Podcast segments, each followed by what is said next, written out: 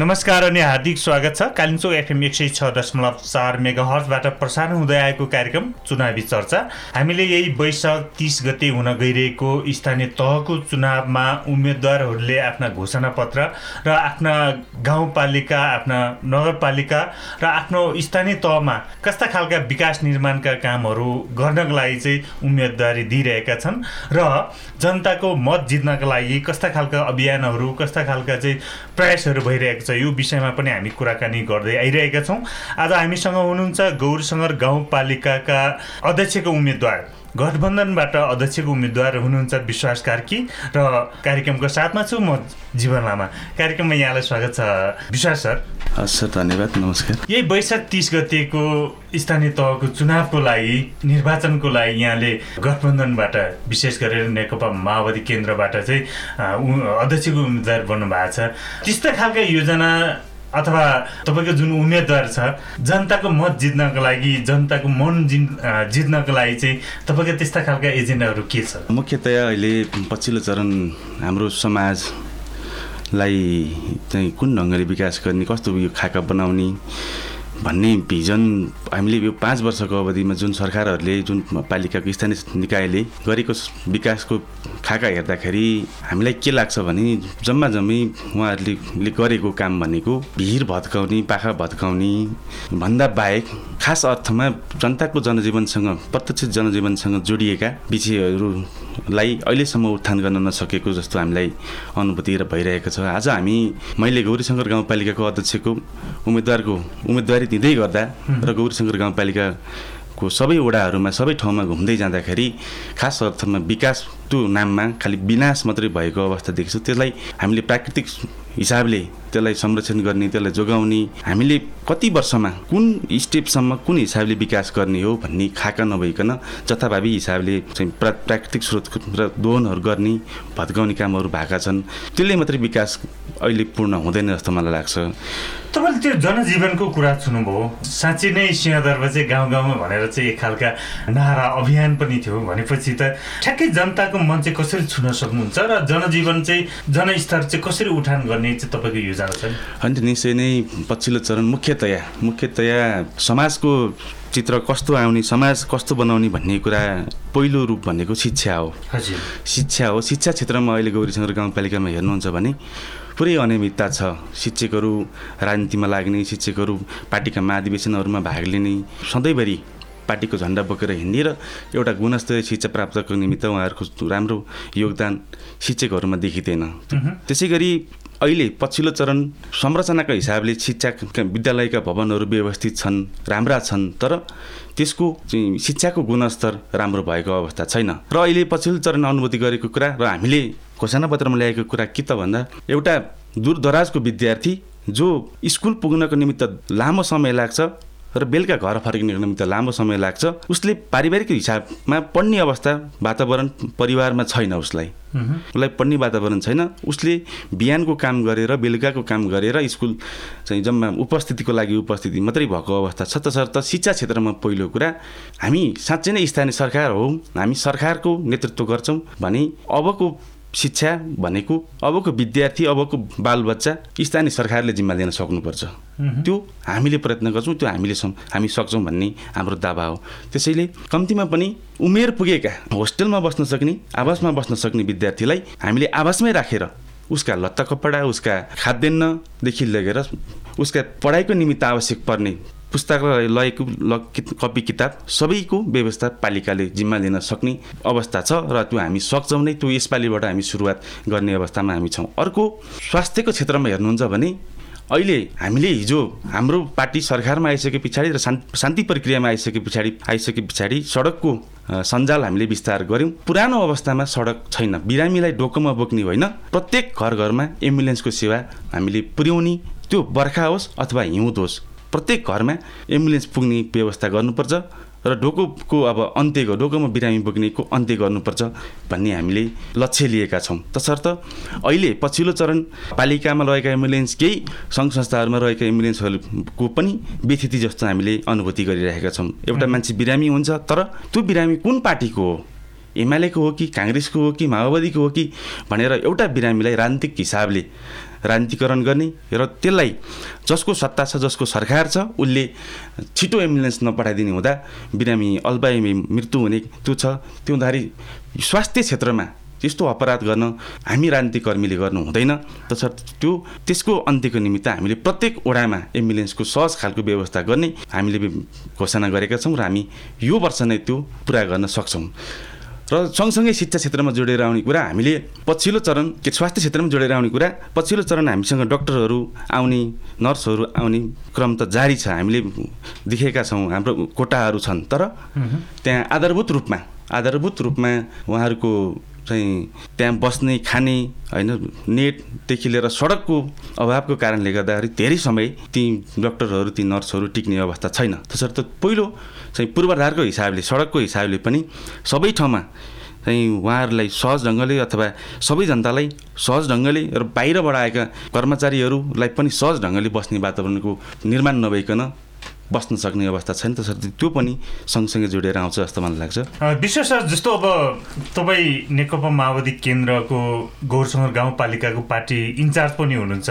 त्यो हिसाबले पनि तपाईँले सङ्गठन विस्तारको क्रममा कार्यकर्तालाई चाहिँ पार्टीको नि बारेमा चाहिँ जानकारी दिनको लागि पनि पक्कै पनि गौरसङ्गर गाउँपालिकाको वडा नम्बर एकदेखि वडा नम्बर नौसम्म पुग्नुभयो होला यो अवधिमा जस्तो लाग्छ। मैले भन्न खोजेको चाहिँ के हो भने गौरीसङ्गर गाउँपालिकाको समग्र रूपमा सिनारी त्यहाँको अवस्था हेर्दाखेरि चाहिँ तपाईँलाई के के सम्भावनाहरू त्यस्ता खालका चाहिँ केही देख्नु भएको छ? होइन बिल्कुलै धेरै नै सम्भावना बगेको पालिका हो। हामी सबै हिसाबले प्राकृतिक स्रोत र साधनको हिसाबले हाइड्रो जोनको हिसाबले पनि गौरीसङ्गर गाउँपालिकालाई सबैको केन्द्रको रूपमा हामीले देखेका लिएका छौँ। सबैको त्यहाँ आँखाको पनि लागेको छ। त्यसो हुँदाखेरि सबै हिसाबले प्राकृतिक स्रोतको हिसाबले अरू कृषिको हिसाबले अरू जडीबुटीको कारखानाको उद्योगको हिसाबले लगायत शिक्षा क्षेत्रको हबको हिसाबले पनि हामीलाई सबै हिसाबले भौगोलिक हिसाबले साथ दिएको अवस्था छ। त्यसलाई तर त्यसलाई कुन हिसाबले युज गर्ने कुन ढङ्गले प्रयोग गर्ने भन्ने हामीसँग मोडालिटी हुनुपर्छ हामीसँग मास्टर प्लान हुनुपर्छ हामीसँग मास्टर प्लान बिनाको चाहिँ काम गर्न सुरुवात गऱ्यो भनेदेखि त्यो सक्सेस नहुन सक्छ। यसरी हेर्दा पशुपालनको हिसाबले पनि हाम्रो पालि जिल्लाभरिकै सबैभन्दा ठुलो पालिका हुन जान्छ। हामीसँग त्यसमा पर्याप्त जग्गाहरू छन्। बाँझा जग्गाहरू छन्। त्यसै गरी जडीबुटीको हिसाबले पनि हामीसँग थुप्रै सम्भावना बगेको ठाउँ छ। त्यसै गरी हामीलाई आलुको हिसाबले पनि माथि हाम्रो मास माक्लो भेग हुँदा आलुको विशेष जोनको रूपमा हामीले विकास गर्न सक्ने अवस्था छ। त्यसै गरी पर्यटनको हिसाबले हेर्दाखेरि पनि हामी तल सिङ्गटीदेखि माथि छोरोल्पा तालसम्मको लागि पर्यटनको को हिसाबले हामीलाई एकदमै राम्रो छ। तर यसलाई विकास गर्ने यसलाई प्रचार गर्ने अभाव र यसलाई यो हाम्रो गौरी खास के हो त भनेर ल्याउने कुरा खास खास पोइन्टहरू यसलाई हेर्नु देख्ने हेर्ने कुरा यसको चाहिँ राजनीतिक महत्त्व सांस्कृतिक महत्त्व धार्मिक महत्त्वको हिसाबले प्रचार गर्न कमी छ त्यो भयो भनेदेखि हामी सबै हिसाबले सबै हिसाबले विकास गर्नको निमित्त त्यत्रो ठुलो अप्ठ्यारो पर्ने अवस्था छैन त्यत्रो ठुलो चाहिँ दुःख गर्नुपर्ने अवस्था सजिलै सहजै समृद्ध गौरी शङ्कर बनाउन सक्ने हामीसँग सम्भावनाहरू छन्। हजुर। जस्तो अब तपाईँ अहिले उम्मेदवार बनिरहँदाखेरि हिजोको दिनमा तपाईँ राजनीतिक रूपमा पनि सक्रिय हुनुहुन्थ्यो त्यहाँका चाहिँ विकासका लागि पनि तपाईँले चाहिँ आफ्ना आवाजहरू उठाइराख्नु भएको थियो। मैले तपाईँलाई भन्न खोजेँ चाहिँ तपाईँ हिजोको दिनमा त्यहीँको स्थानीयवासी त्यहीँको नागरिक भएको हिसाबले पनि आफ्नो पार्टी मार्फत चाहिँ यस तपाईँले जति पनि विकासका खाकाहरू कोर्नुभयो योजनाहरू तपाईँले बताउनु भयो ती त्यसको लागि त तपाईँहरूको पार्टी मार्फत तपाईँहरूको सङ्गठन मार्फत आवाज उठाएन र हिजो? भएन र? निश्चय भएन? निश्चय नै हामी विगत केही समयदेखि पार्टी नेकपा माओवादी र नेकपा एमाले संयुक्त गठबन्धन एउटै पार्टी भइसके नेकपा भइसके पछाडि पनि हामीले स्वत रूपमा सधैँभरि नै विकासका कुरा जनताका कुरा शिक्षाका कुरा स्वास्थ्यका कुरा लगायतका कुराहरू। हामीले यथेष्ट रूपमा हामीले सम्बन्धित पालिका अध्यक्ष र त्यहाँको स्थानीय सरकार जनप्रतिनिधिहरूलाई निरन्तर राख्ने काम त गऱ्यौँ। तर यसमा फरक कस्तो हुँदो रहेछ भने जसले यो परिवर्तन ल्यायो जसले यो काठमाडौँमा रहेको सिंहदरबारलाई हामीले गाउँमा ल्याउन सफल भयौँ त्यसमा उहाँहरूको त्यत्रो ठुलो भूमिका थिएन। जो अहिलेसम्म पाँच वर्षसम्म उहाँहरूले पत्नी नेतृत्व गरेर पालिका रहनुभयो उहाँहरूले त्यत्रो भूमिका भूमिका थिएन। जसले आफ्नो सन्तान जन्माउँछ उसलाई मात्रै आफ्नो सन्तानको माया हुँदो रहेछ सायद।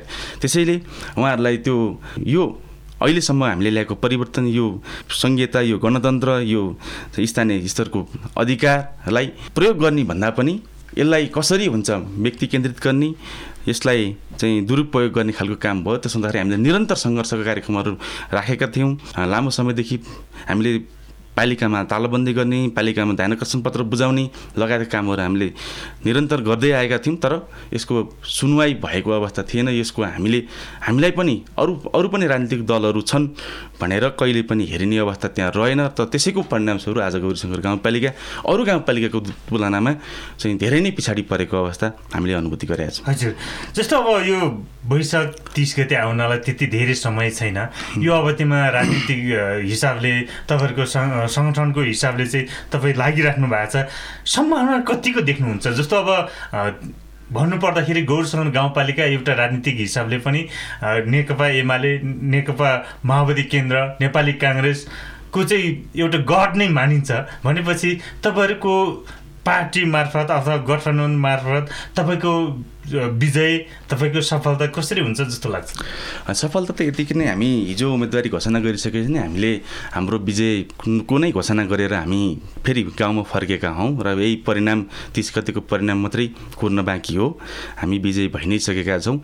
किनकि यो पछिल्लो पाँच वर्ष जो नेकपा एमालेको सरकार जनताले प्रत्यक्ष रूपमा घर घरमा प्रत्येकको मन मनमा के हो त भनेर प्रष्ट भएको अवस्था छ एउटा कुरा र अर्को हामी पछिल्लो यो चरण हामीले गौरीशङ्कर गाउँपालिकामा हाम्रो मेहनत हाम्रो सङ्गठनको अवस्था हेर्दाखेरि हामी सिङ्गलै जित्ने अवस्था नेकपा माओवादी केन्द्रले सिङ्गलै जित्ने अवस्था हो। त्यो तथापि केन्द्रको निर्देशनअनुसार केन्द्रको चाहिँ गठबन्धन अनुसार हामीले नेपाली काङ्ग्रेससँग गठबन्धन गरेका छौँ। तसर्थ त्यो हुँदाखेरि हामी नजित्ने भन्ने कुरा कुनै पनि कोणबाट छँदै छैन हामी जितको सुनिश्चित हामीसँग छ। हजुर। जस्तो अब मैले गठबन्धनकै कुरा पनि गरेँ जस्तो गठबन्धनकै कुरा गर्नु पर्दाखेरि कतिपय ठाउँमा चाहिँ आफ्नो पार्टीको चाहिँ हाबी हुने आफ्नो पार्टीकैले चाहिँ नेतृत्व लिनुपर्ने अवस्था चाहिँ आइरहेको छ भनेर भनिरहँदाखेरि तपाईँहरूको गठबन्धन कतिको बलियो हुन्छ अथवा गठबन्धन साँच्चै नै गठबन्धन हुन्छ?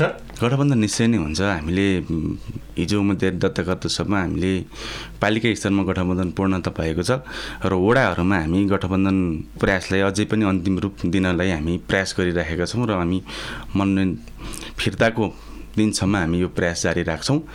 निश्चय नै अहिलेको मन यो गठबन्धन भनेको यो एकतन्त्रबाट तानासा फेरि पनि हिजोकै अवस्थामा हिजोको राजा र आजको केपी ओलीको सरकार उस्तै उस्तै हो भन्नेको विरुद्धको गठबन्धन हो यो। बिल्कुल यो चाहिँ हामीले चाहेर अथवा हामी हार्ने भएर त्यो गठबन्धन गरेको होइनौँ।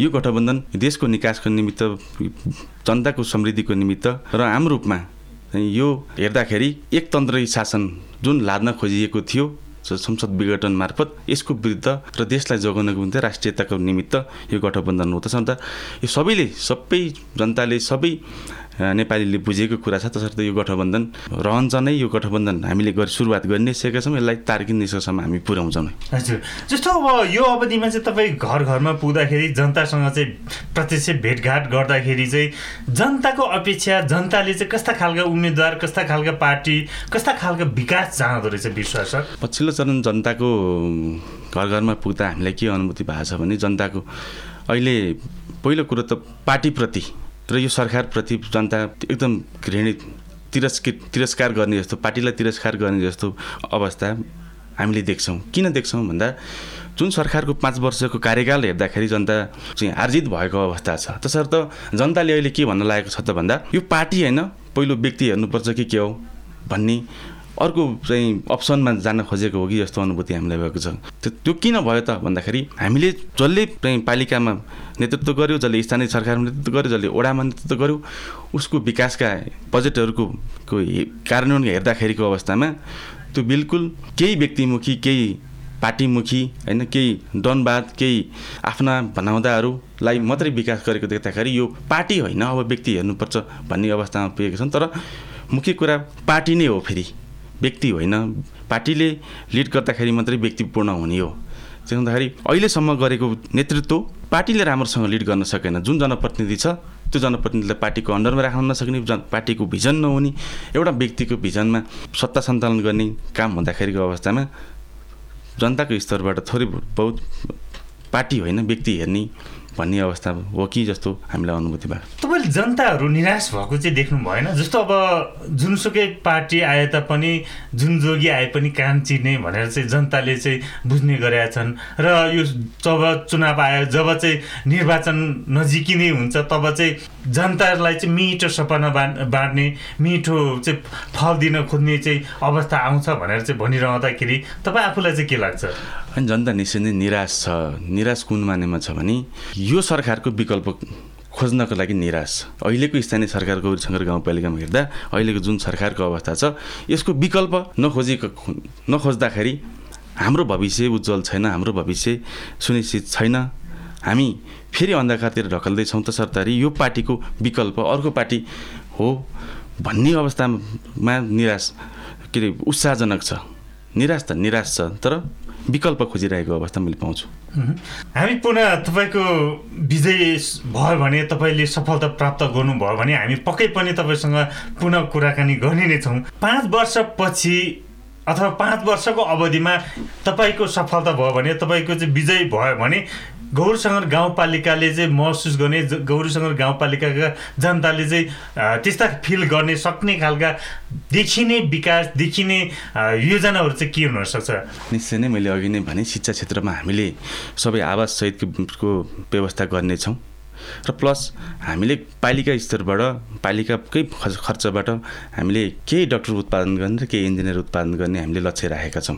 हामीले यही वर्षबाट हामीले त्यो सुरुवात गर्नेछौँ र ती डक्टर इन्जिनियरले केही समय पालिकाकोलाई सेवा गर्नुपर्ने अवस्था हुन्छ शिक्षाको क्षेत्रमा हामीले आवास त्यो गर्ने अवस्था योजना बनाएका छौँ। त्यसै गरी स्वास्थ्यको क्षेत्रमा मैले अघि नै भने हामीले त्यहीँ हस्पिटल बनाउने त्यहीँ नर्स उत्पादन गर्ने डक्टर उत्पादन गर्ने त हामीले कहाँसम्म सक्छौँ होइन? तर कम्तीमा पनि शिक्षा के अरे स्वास्थ्यको क्षेत्रमा प्रत्येक घर घरमा स्वास्थ्यको पहुँच पुग्ने गरी हामीले त्यो राख्नु राख्नेछौँ। र अहिले सडकको अवस्था बिजोग छ। सबै बर्खा पानी पानी आउने बित्तिकै कुनै पनि सडक राम्रोसँग सञ्चालन हुने चल्ने अवस्था छैन। हामीले कति सक्छौँ? हामीले पहिलो त सिद्धाको थानदेखि सुरी हुँदै हामीले टङ्कु मार्बुसम्मको त्यो ट्र्याकलाई कालोपत्रै यही वर्षबाट हामीले सुरुवात गर्नेछौँ। त्यसै गरी यता मेन मुख्य पालिकामा पुग्ने गुरुङ के अरे भोर्लेबाट माथि सुरीसम्मको काम सडक सडकलाई यसैपालि पिच गर्ने सुरुवात गर्नेछौँ। त्यसै गरी यता चाहिँ गुम खोलाबाट पिखुती हुँदै झ्याकुसम्मको सडकलाई हामीले कालोपत्री गर्ने काम सुरुवात गर्नेछौँ र मुख्यतः पाँच वर्षमा पाँच वर्षमा हामीले त्यत्रो ठुलो सडक भएको सञ्जाल भएको गौरीसँग गाउँपालिका होइन थोरै सडकलाई हामीले विस्तार गर्दा त्यसलाई पिच गर्दाखेरि हामीले पाँच वर्षमा सायद हामी सबै सडकहरू पिच गर्न सक्ने अवस्था कालोपत्री गर्न सक्ने अवस्था हामीले सक्नेछौँ।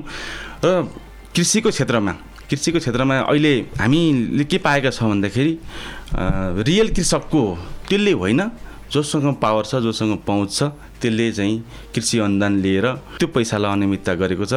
बाख्रा छ गोठ छ बाख्रा छैन बाख्रा छ गाई छ मर्न लागेको अवस्था छ। त्यसै गरी अरू आलु खेती भनेर पैसा हालिएको छ आलु छैन त्यो हुँदाखेरि रियल कृषक को हो भनेर हामीले पहिचान गर्ने कृषक को हुन् भन्ने वर्गीकरण अहिलेसम्म पालिकाले गर्न सकेको अवस्था छैन। त्यसलाई हामीले गर्नेछौँ र कृषि कृषिमा हामीले एउटा चाहिँ परिवर्तन गर्ने हामीले जोड गरेका छौँ। त्यसै गरी पर्यटनको क्षेत्रमा पनि हामीले पाँच वर्षमा त्यही पर्यटनको चाहिँ पैसाले त्यसै त्यहीँबाट आएको राजस्वले त्यही ओडालाई ओडाको कम्तीमा विकासलाई पुग्ने हिसाबले गर्न सक्ने बजेट जति पनि पुग्न सक्ने अवस्थालाई अवस्था सिर्जना गर्ने सक्ने अवस्था छ त्यो त्यो हिसाबले हामीले टार्गेट बनाउने हाम्रो लक्ष्य छ। हजुर। त्यसो हो भने वैशाख तिस गते जसको चाहिँ मतपत्रमा के अरे मत मतपत्र अथवा मतदान गर्नको लागि नामावली छ जसले चाहिँ सहज ढङ्गले मतदान गर्ने इच्छा हुन्छ। त्यस्ता वातावरण सिर्जना गर्नको लागि तपाईँको भूमिका तपाईँको पार्टीको भूमिका चाहिँ के रहन्छ? निश्चय नै गौरीसँग दोलखाको चुनाव भनिसकेपछि अलिकति पछिल्लो चरण केही झडपको जस्तो केही त्यहाँ निश्चय त्यो छ।